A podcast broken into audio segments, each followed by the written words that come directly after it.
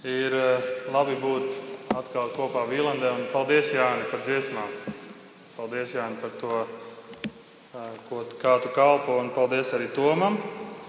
Un Tomiņš šobrīd, šo, Tomiņš šodien ļoti aizņemts. Viņš gan vada dievkalpojumu, viņš arī, viņš arī tulko. Viņš tāds ļoti elastīgs. Un vasaras laiks ir tāds, kad, kad uh, mums jābūt elastīgākiem, jo kādi ir kaut kur vai no atpūtā, vai kaut kur citur nometnēs kalpo, un šis tāds diezgan aizņemts laiks.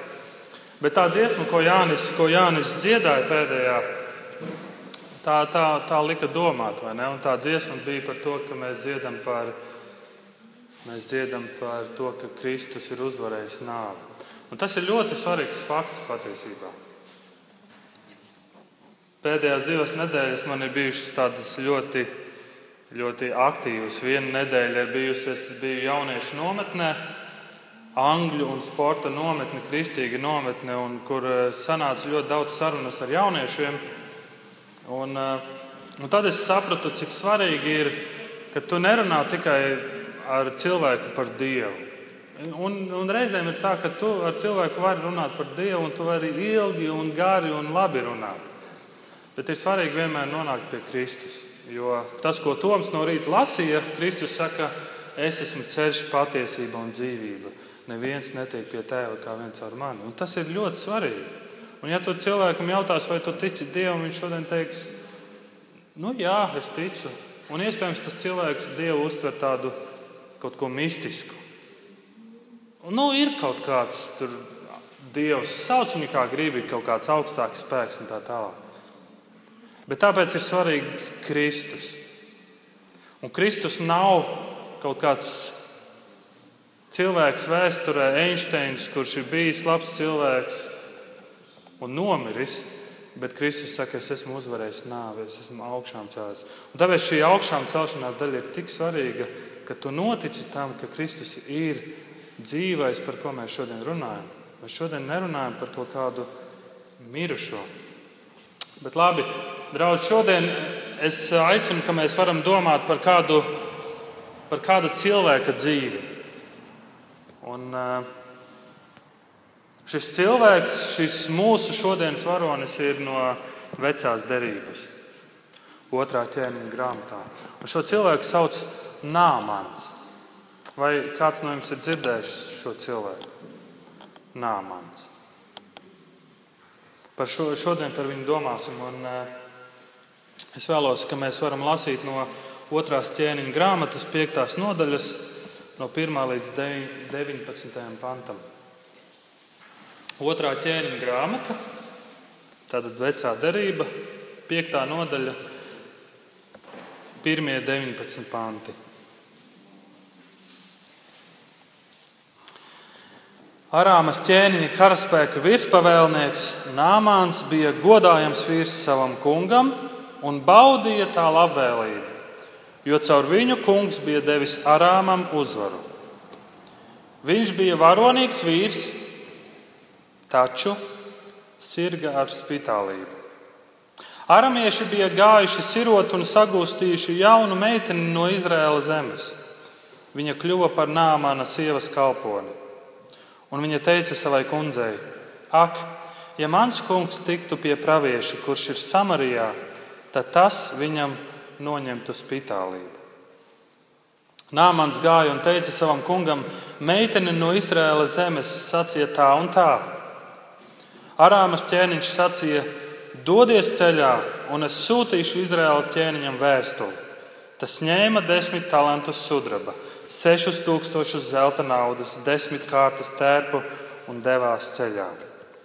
Viņš aiznesa Izraēla ķēniņam vēstuli, kurā bija teikts: Tagad, kad tu saņem šo vēstuli, redzi, es esmu tev sūtījis savu kalpu nāmānu, lai tu viņam noņem spitālību. Kad Izraēla ķēniņš izlasīja vēstuli, viņš saplēsa drānus un sacīja: Vai es esmu Dievs, kas nonāvē un dara dzīvu, ka viņš pie manis sūta šo vīru, lai noņemtu tam spitālību?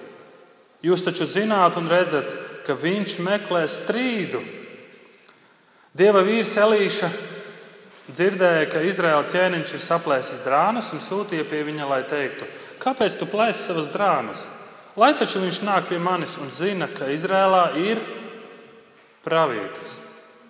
Un Nāmāns nāca ar saviem zirgiem un ratiem un apstājās pie Elīzes nama durvīm.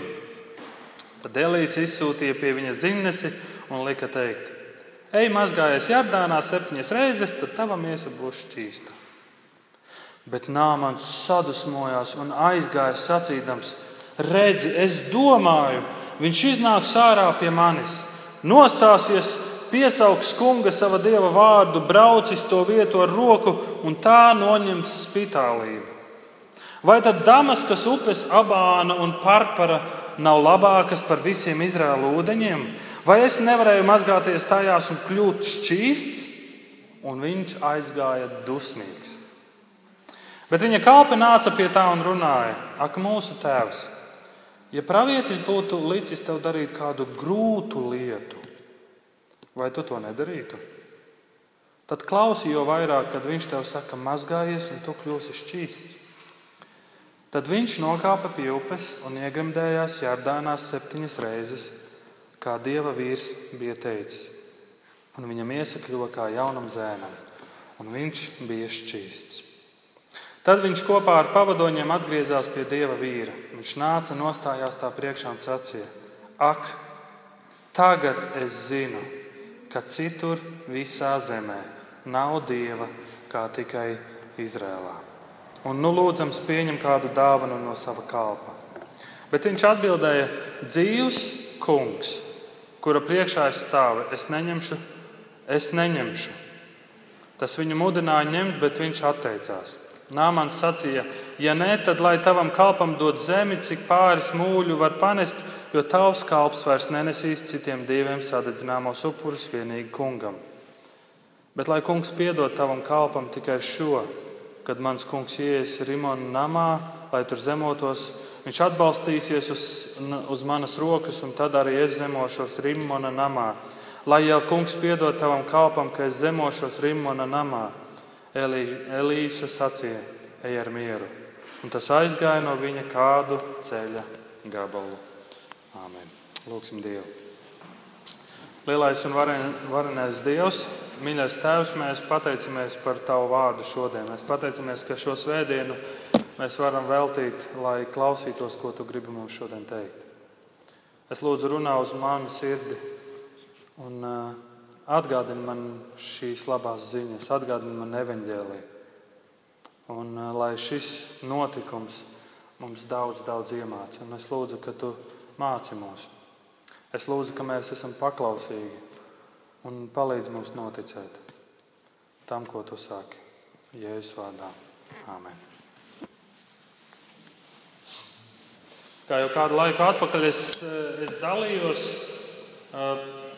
man bija iespēja būt Izrēlā. Un Izrēlā zemē, kas ir tik, tik ļoti ar informāciju bagāta un tik ļoti interesanta zeme, ko aplūkot. Un, un 12 dienu laikā tu to nespēji aplūkot un uzzināt visu.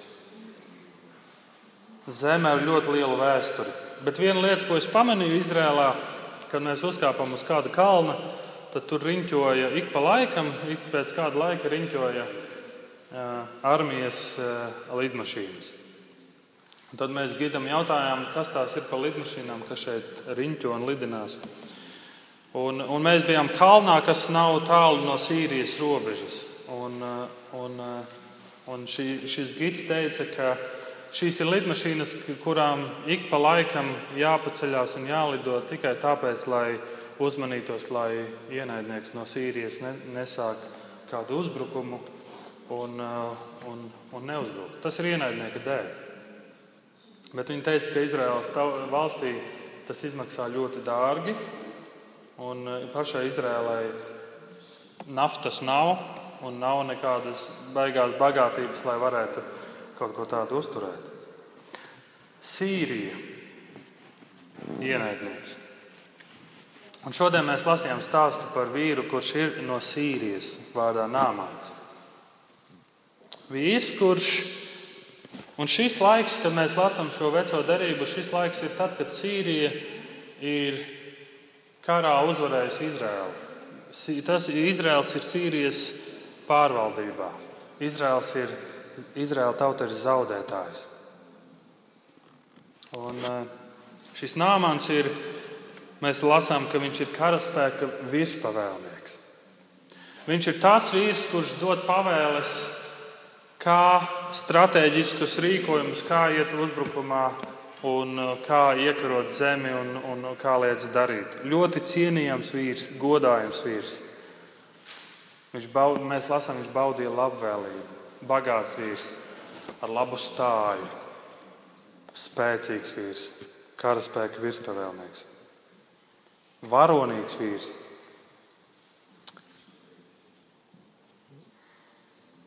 Taču viņam ir viena problēma. Viņš slimoja ar spitālību. Un, ja jūs esat dzirdējuši, spitālība ir slimība, kad, kad uz tavas ādas sāk mesties, tava āda sāk pūžņot, pūt. Un, uh, slimība, ko nevarēja tā, pret to nebija zāles. Un ik, pa, un ik pēc kāda laika, kad tā slimība attīstās, tev sāk atmirt nervi un sāk miesas locekļi atkrist. Briesmīga slimība. Varonīgs vīrs ar briesmīgu slimību. Un redziet, kas notiek Nāmāns Sīrija, no Sīrijas, Izraēlas ienaidnieks, iet pie Izraēlas dieva. Tas sanāk, viņš iet pie zaudētāja tautas dieva, tauta, kas ir zaudējusi. Viņš iet pie tā dieva pēc palīdzības. Ko tas nozīmē? Tas nozīmē, ka viņš noteikti ir meklējis palīdzību savā tautā, savā reliģijā, pie saviem dieviem. Viņš ir gājis, viņš ir darījis visu, viņš bija bagāts, viņš ir mēģinājis darīt visu, lai viņam palīdzētu, lai viņu dziedinātu, bet neviens to nespēja. Un tad šī mazā meitenīte, kas ir no Izraēlas, viņa saka, ja tikai viņš aizietu pie pravieša Izraēlā ja tikai viņš aiziet. Un Nāmans dodas.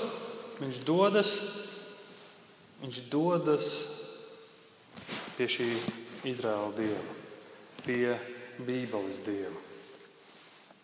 Un, un,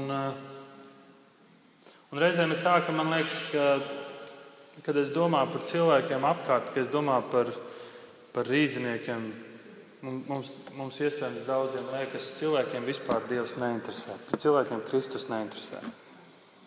Bet cilvēki, man liekas, ir tādi kā nāmans, ka cilvēki patiesībā slepenībā ļoti interesējas par Dievu un meklē Dievu. Un, un es atceros sevi jaunībā, kad es tikko atnācu uz Rīgas studēt, es biju tieši tāds pats. Es slepenībā savā ziņā, kad es iegāju baznīcā, es gāju uz jauniešu vakariem, un jauniešu vakarī vakaros, un parasti baznīcā ir tumšs. Es gāju pašā aizmugurītē, kaut kur noslēpos, neviens mani neredz, un es klausījos. Man patika būt slepenībā. Un man liekas, ir daudz cilvēku, kuri slepenībā arī šodien meklē atbildes uz jautājumiem savā dzīvē. Un nav tā, ka cilvēkiem neinteresē. Cilvēki meklē. Mēs šodien redzam, ka cilvēki meklē. Bet jautājums ir, kas liek tāda tipa cilvēkam kā Nāmans meklēt Bībeles dievu? Un trīs lietas, par ko es šodien gribu runāt. Kāpēc cilvēki meklē dievu, kā cilvēki atrod dievu un kāpēc mēs nevaram viņu atrast. Kāpēc cilvēki meklē dievu, kā cilvēki atrod dievu un kāpēc mēs nevaram viņu atrast. Kāpēc mēs meklējam Dievu? Kas notiek Nāmana dzīvē tāds, ka viņš sāk meklēt Dievu? Un man liekas, šeit ir tādi divi svarīgi iemesli, ko mēs redzam arī tekstā. Un pirmais iemesls ir, ka tavā dzīvē ir jānotiek kaut kam tādam, kas liek tev saprast, ka paļaušanās uz sevi ir meli. Tavā dzīvē ir jānotiek kaut kam tādam, ka tu saproti, ka, tu, ka paļaušanās uz sevi, uz saviem spēkiem, tie ir meli. Un mēs redzam, ka Nāmans bija varens vīrs, un viņš noteikti paļāvās uz sevi. uz saviem spēkiem, uz savu varenību, uz saviem kontaktiem, uz savu bagātību. Un vienā brīdī viņš saprot, ka viņš ir bezspēcīgs. Un neatkarīgi no tā, cik veiksmīgs tu esi, un neatkarīgi no tā, cik veiksmīgi tu esi izveidojis savu dzīvi, savu, savu ikdienu, vienmēr būs kaut kas tāds, kurš to sabojās. Un vienmēr dzīvē ir šis taču, vienmēr dzīvē ir šis bet, vai ne? Mana dzīvē viss bija labi, bet taču. Vienmēr ir dzīvē kaut kas tāds, kas to sabojā. Un visādi ārēji spēki, kas mūs var ietekmēt, bet mēs esam akli redzēt to līdz brīdim, kad kaut kas ar mums notiek. Un mēs saprotam, mēs neko paši nespējam kontrolēt.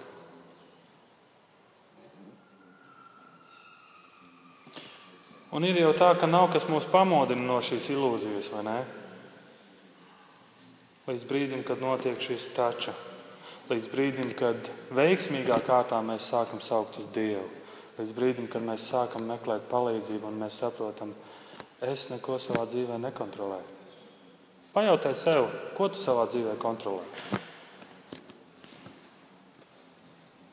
Otrais iemesls, kas tevi padara par tādu, par meklētāju, ir, ka pasaule nespēja tev palīdzēt. Un, ja mēs paskatāmies uz Nāmānu, ko mēs redzam? Viņš bija bagāts, vai ne? Viņam bija nauda, viņam bija daudz naudas. Mēs lasām, kad viņš devās uz Izraēlu pie šī ķēniņa. Viņš, starp citu, devās pie Izraēla ķēniņa. Un tas ir interesanti, kāpēc pie ķēniņa. Bet mēs lasām 5. pantā, viņš ņēma 10 talantus sudraba, 6000 zelta naudas, 10 kārtas tērpu un devās ceļā. Tas bija ļoti, ļoti, ļoti daudz. Viņš ņēma ļoti daudz naudas līdzi. Viņš bija gatavs samaksāt jebkādu cenu, lai tikai viņam palīdzētu, un viņš ņēma ļoti daudz naudas. Mēs redzam, ka Nāmānam bija arī sakari, vai ne? Mēs redzam, ka ķēni, Aramas ķēniņš viņu sūta, viņam dod līdzi vēstuli. Tas nozīmē, viņam ir sakari. Man ir sakari, man ir aizmugure, kā mēs šodien sakām. Gan jau man šī aizmugure palīdzēs. Un Nāmānam bija vara. Tātad Nāmans dodas pie Izraēla ķēniņa, viņš ņem vēstuli, tātad kontaktus, daudz naudas, Un vēl viena lieta, Nāmans bija gatavs darīt jebko. Viņš saka, liec man darīt jebko. Gribu es nogalināšu puķi, dod man zobenu, izdarīšu. Liec man darīt jebko. Es to izdarīšu, tikai palīdz man. Un redziet, Nāmans visu savu, visu koncentrē uz pasauli. Viņš domā, ka pasaule viņam palīdzēs. Viņš domā, ka tā vara, tie kontakti, tā nauda, tas viņam palīdzēs. Viņš to dara savā zemē, Sīrijā, un viņš aiziet uz Izraēlu, viņš to dara tur. Bet Nāmans iemācīsies, ka tikai tad, kad saproti, ka pasaulē glābiņu neatradīsi, tad sāksies tava garīgā izaugsme. Tikai tad, kad tu iemācīsies, ka pasaulē tu glābiņu neatradīsi. Tad tavā dzīvē sākas garīga izaugsme. Un pirmais, kas to parāda, ir Izraēla ķēniņš. Septītais pants. Izraēla ķēniņš izlasa vēstuli. Un jūs redzat, eh, parasti svešu tautu, svešās tautās tā reliģiskā sistēma ir tāda, ka viss ir saistīts ar ķēniņu. Viss iet caur ķēniņu visa reliģiskā sistēma ir pakļauta ķēniņam. Un, un tas ir iemesls, kāpēc Nāmans pirmām kārtām dodas Izraēlas ķēniņam. Viņš, saka, viņš nāk ar vēstuli, iedod vēstuli, un Izraēlas ķēniņš saka, kas es kāds dievs, ka es varu tagad tevi dziedināt? Un tas, ar ko Nāmans sastopas, ka patiesībā Izraēlas dievs nav pakļauts ķēniņam ka patiesībā ir pilnīgi otrādi. Ka Dievs ir pārāks par ķēniņu. Šis ir, un Nāmans sastopas, ka šis ir citādāks Dievs. Viņš ir, viņš ir tie ir citādāki standarti. Un tas viņam, tas viņam liek domāt, ka, kas ir tie par standartiem. Un viņš sagaidīja tieši to pašu, ko no savas tautas reliģijas. Un redziet, reliģijām ir noteikta struktūra, pravieši.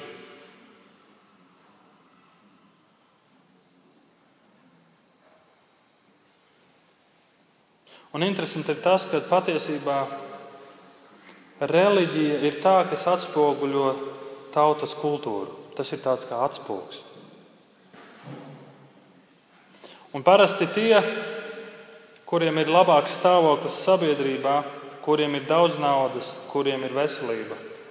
Mēs parasti sakām, lūk, tie ir tie svētie. Lūk, tie ir tie svētītie no Dieva. Lūk, tie ir tie, kas, kurus Dievs tik ļoti mīl, kurus Dievs tik ļoti svētī, jo Dievs viņiem palīdz. Viņiem ir nauda, viņiem ir stāvoklis sabiedrībā, viņiem ir veselība. Un ar šo, un ar šo mācību mēs saskaramies arī tepat Latvijā. Nav tālu jāiet. Kur saka, nāc pie Dieva, tev būs viss.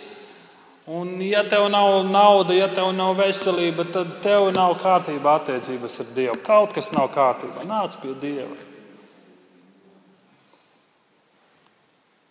Kā mēs tiekam galā ar problēmām šodien? Mēs dodamies kaut kur pie augšas, pie deputātiem, pie labākajiem speciālistiem, labākajām tehnoloģijām, labākajiem ieročiem. Šodien, kā mēs risinām konfliktus, mēs dodamies pie labākajiem ieročiem. Mēs tiksim ar to galā. Un tieši tāpat dara Nāmans. Mēs skatāmies uz pasauli. Un Izraēla ķēniņš viņam paziņo, atvaino, šajā zemē tā tas nedarbojas. Bībeles dievs nav tāds dievs kā citi un pravieši nav pakļauti ķēniņam. Un šim dievam tu norādījumus nevari dot. Jo mūsu dievs nav tautas projekcija jeb atspūgs, bet gan tautas tiesnesis. Es lasīju kādu stāstu, ka kāds vīrs aiziet pie psihologa un, psihologa, un sarunā ar šo psihologu. Šis eh, psihologs saka, cienītais, jums ir lielas problēmas ar ar dusmām. Un šis vīrs stāstīja, ka viņam ģimenē neiet un uh, attiecībās un ar sievu ļoti daudz strīdi un tā tālāk. Un, un psihologs secinājums, jums ir liels problēmas ar dusmām. Un tad šis vīrs saka, nu tad lūdzu palīdziet, kā man piedot, kā man to izdarīt. Un psihologs saka, atvainojiet, Mainīt sirdi nav manā kompetencē. Mainīt sirdi tas nav manā kompetencē. Citiem vārdiem, psihologs saka, kā šis Izraēla ķēniņš, kas ir kāds dievs, lai mainītu tavu sirdi. Ja tu vēlies iegūt izmainītu sirdi, neuzdrīksties skatīties uz pasauli. Kāpēc, mēs, kāpēc cilvēki meklē Dievu? Divi iemesli. Tavā dzīvē notiek šis taču, tavā dzīvē notiek kaut kas tāds, ka tu saproti, tu neko nekontrolē. Un otrais iemesls ir, tu saproti, ka pasaule tev nespēja palīdzēt. Ne tavi kontakti, ne tava nauda, ne tava vara. Kā cilvēki atrod Dievu? Kā tad Nāmans atrod Dievu? Un atvainojiet, atkal ir divi kriteriji. Un pirmā, pirmā lieta, kas, kas mums ir jāsaprot, kad mēs skatāmies šajā tekstā, tev ir jāmaina šī attieksme no problēmas atrisinājuma meklēšanas uz attieksmi, ka tu saproti, tev ir vajadzīgas attiecības ar Dievu. Tev ir jāmaina attieksme no tā, ka tev vienmēr vajag tikai problēmas atrisinājumu. Un tev jāsaprot, ka patiesībā kas tev vajadzīgs ir attiecības ar Dievu. Un mēs lasām, kad eh, Izraēla Elīze sūta ziņu Izraēla ķēniņam un saka, Kāpēc, kāpēc tu saplēsi savas drēbes? Sūti viņu pie manis. Astotais pants. Un viņš saka, lai taču viņš nāk pie manis un zina, ka Izrēlā ir kas? Brīnumdaris, dziednieks, nē, pravietis. Ko nozīmē pravietis? Pravietis nozīmē dieva vārda sludinātājs. Tas, ko Elīze saka, Nāmānam ir jādzird dieva vārds. Viņam ir vajadzīga šī grēku piedošana. Viņam ir vajadzīgas attiecības ar Dievu. Atcerieties, ka mēs runājām, mums, mums bija sērija Jēzus vara pār, pār grēku. Un atcerieties šo notikumu, kad četri vīri atnes šo paralizēto pie Jēzus, nu, nojauc jumtu. Un ko Jēzus saka? Kas ir pirmais, ko Jēzus saka, kad viņam atnes paralizēto? Un Jēzus saka, tev tavi grēki ir piedoti. Atvaino Jēzu, tu neredzi, tur guļ paralizēts cilvēks. Un ja pirmais, ko Jēzus saka, tev tavi grēki ir piedoti. Un ar to Jēzus parāda, ka tas ir pats svarīgākais. Tev ir vajadzīgas attiecības ar Dievu. Tev ir vajadzīga grēka piedošana. Un Nāmans saprot, ka svarīgākais ir iekšējais sirds jautājums. Ka patiesībā tā problēma ir sirdī.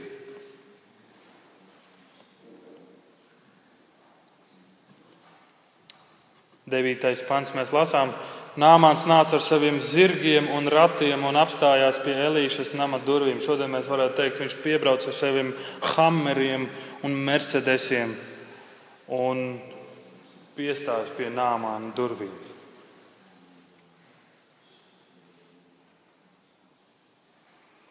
Jūs redzat, kas, kas šeit notiek?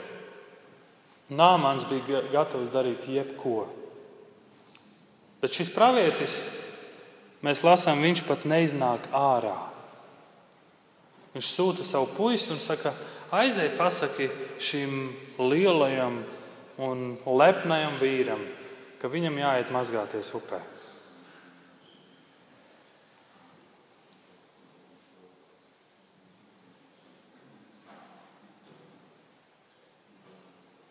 Aizej, pasaki. Pasaki vienkārši, ej, ej un mazgājies upē. Un, kad Nāmans to dzird, viņš pirmā doma, kas viņam ienāk prātā, tas ir tik pazemojoši.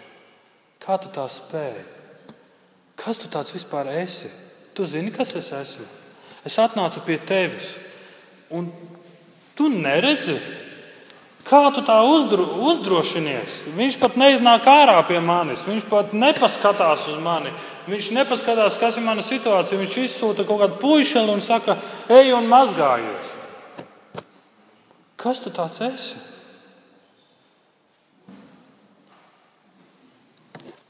Un man liekas, tas ir mūsos tik dziļi iekšā, katrā no mums. Un neatkarīgi no tā, cik, cik ilgi tu baznīcā nāc.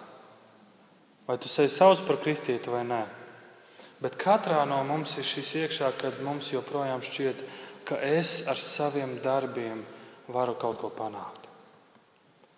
Un es skatos uz sevi un es redzu, joprojām tas ir manī iekšā, tas sēž iekšā. Man liekas, man, man ir kaut kas jāizdara, lai es izpatiktu Dievam. Man ir kaut kas liels jāpanāk, lai es kaut ko iegūtu, lai es saņemtu Dieva svētības, lai es Dievam patiktu un lai es būtu patīkams.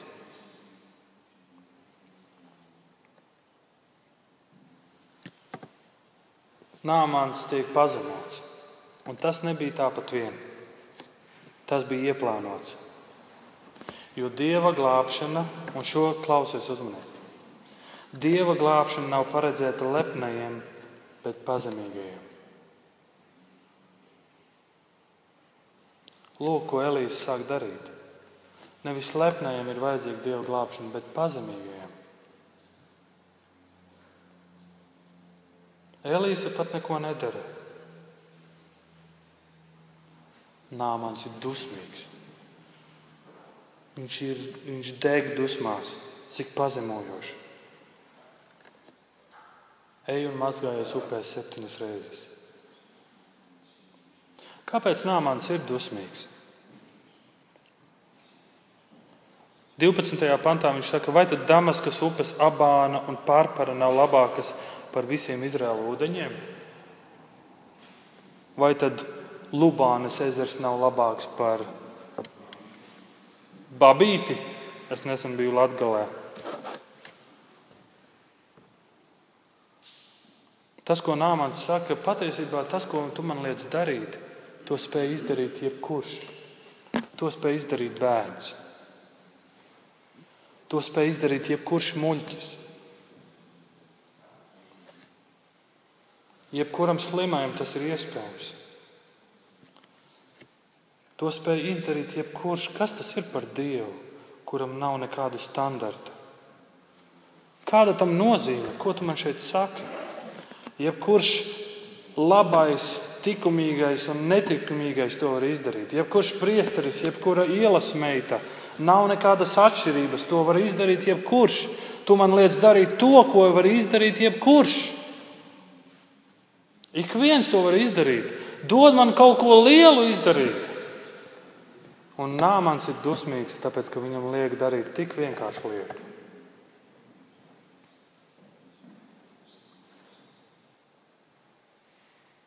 Romiešiem 3,23. Jo visi ir grēkojuši jo visi ir grēkojuši. Visi ir vienlīdzīgi, visi ir vienādi. Un tieši tāpēc tas ir tik brīnumaini. Tieši tāpēc tās ir labās ziņas, ka to var izdarīt jebkurš. Ik viens, ik viens rīznieks. Vienalga vai Maskačkā, vai centrā, vai kurā rajonā, vai Mārupē, vai kurš Rīgā ir krūtākais rajons. Okay pie, pie Vīlandes. Jebkurš pie Vīlandes to var izdarīt. Jebkurš to var izdarīt. Nav atšķirības, un tas ir tas, kas nāmānu tik ļoti sadusmo. Bet tieši tāpēc tās ir labās ziņas, ka tas ir pieejams ikvienam.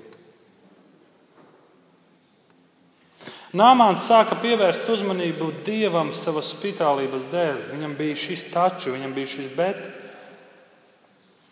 Bet meklējot Dievu, viņš saprot, ka patiesī, patiesais iemesls ir spitālība viņa sirdī. Kas ir paštaisnība, paļaušanās uz sevi.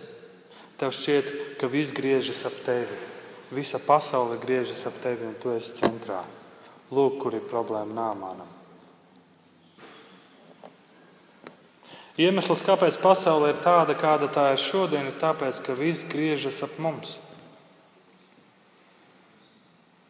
Mēs gribam, lai visi cilvēki ap mums, lai visi griežas ap mums. Mēs gribam būt centrā. Un tieši tāpēc varbūt mums nav attiecības ar Dievu. Un pēdējā lieta, kāpēc mēs viņu nevaram, nevaram atrast? Tas, ko Dievs vēlas, lai Nāmans saprotu, Tas, ko Dievs vēlas, lai Nāmans saprotu, ka tas, kā tu vari nopelnīt savu atvesaļošanos, ir atzīt, ka tu nevari to nopelnīt. Dievs grib, lai Nāmans saprotu, ka veids, kā tu to vari nopelnīt, ir atzīt, ka tu to nevari nopelnīt. Tu to nevari nopelnīt. Tas ir viss, kas man ir jāatzīst. Cik vienkārši, vai ne? Tev jāatzīst, ka tu to nevari nopelnīt. Tev jāatzīst, ka visi tur var nomazgāties. Aizēj septiņas reizes nomazgājies. Tas ir tik vienkārši, vai ne? Jā un nē.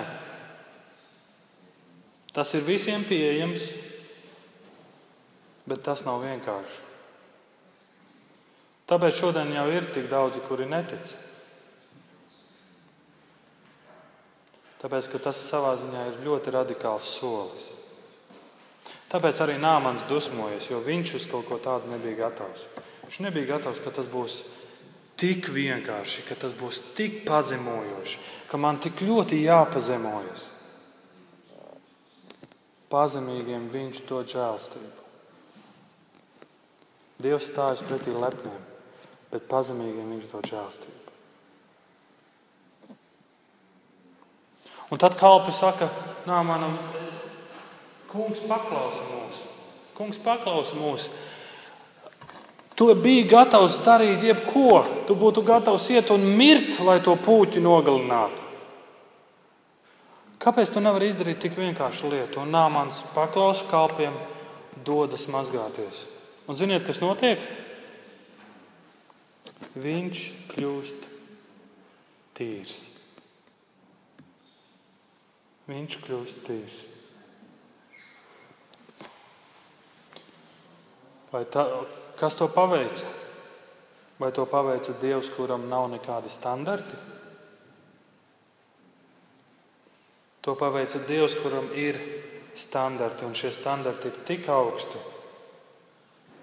ka tu tos nespēji piepildīt, lai to nopelnītu.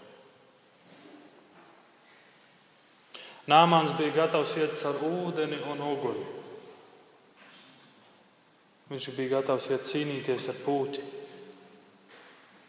Viņš bija gatavs jebko darīt. Bet iemesls, kāpēc Nāmans kļuva tīrs, tāpēc, ka viņa un mūsu vietā nāca kāds, kurš gāja caur ūdeni un uguni. Kāds, kurš uzvarēja pūķi un nocirta tam galvu. Jēzus Kristus ir tas, kurš uzņēmās mūsu vainas. Lai gan Nāmans, gan mēs varētu iet un mazgāties un atzīt, ka es nevaru darīt neko, lai to nopelnītu. Bet iet un paklausīt, iet un pazemoties. Kas var grēku nomazgāt? Kas var to izdarīt? Tikai Jēzus asinis.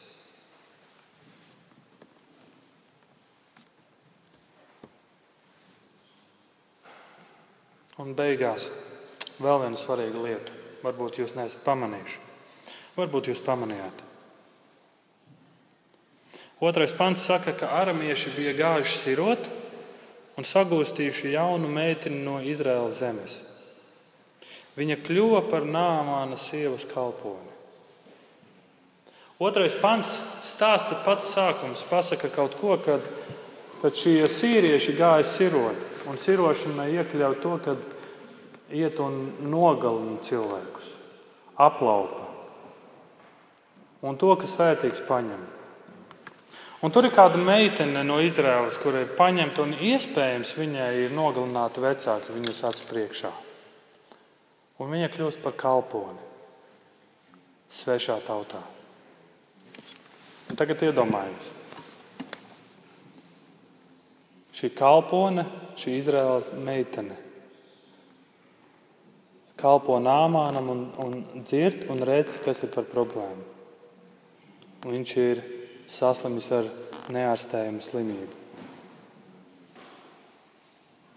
Iespējams, daudzi no mums teiktu, yes!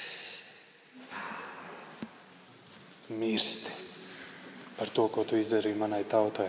Mirsti par to, ko tu izdarīji maniem vecākiem. Bet ziniet, ko viņi dara? Jūs to varat uzzināt, izlasot. Viņa saka, šī nāmāna sievai, ja tikai viņš atrastu pravieti Izrēlā. Un, un, un, un, un tā, kad tu lasi, to liekas kāda piedošana, kāda mīlestība. Jo rezultāts ir šis nāmāns atrod Dievu. Viņš atrod Bībeles Dievu un viņš saka, nav neviena cita Dieva. Lūk, šīs meitenes mīlestība. Mīlestība pret šo ienaidnieku, mīlestība uz Dievu. Pateikt šo mazo frāzi, ja viņš tikai atrastu to pravieti Izrēlā. Piedošana un mīlestība.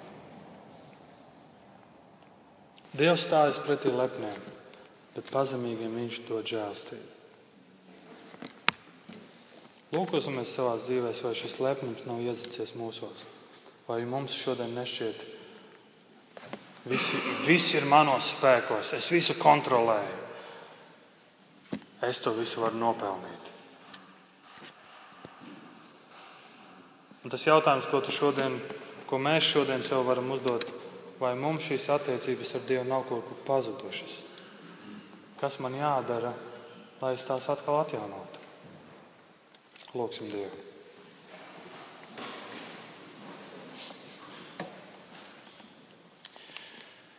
Debes Tēvs, paldies par Tavu vārdu šodien. Un uh, debes Tēvs, paldies par to, ko Tu mums atgādini, ka Tu esi Dievs ar ļoti augstiem standartiem.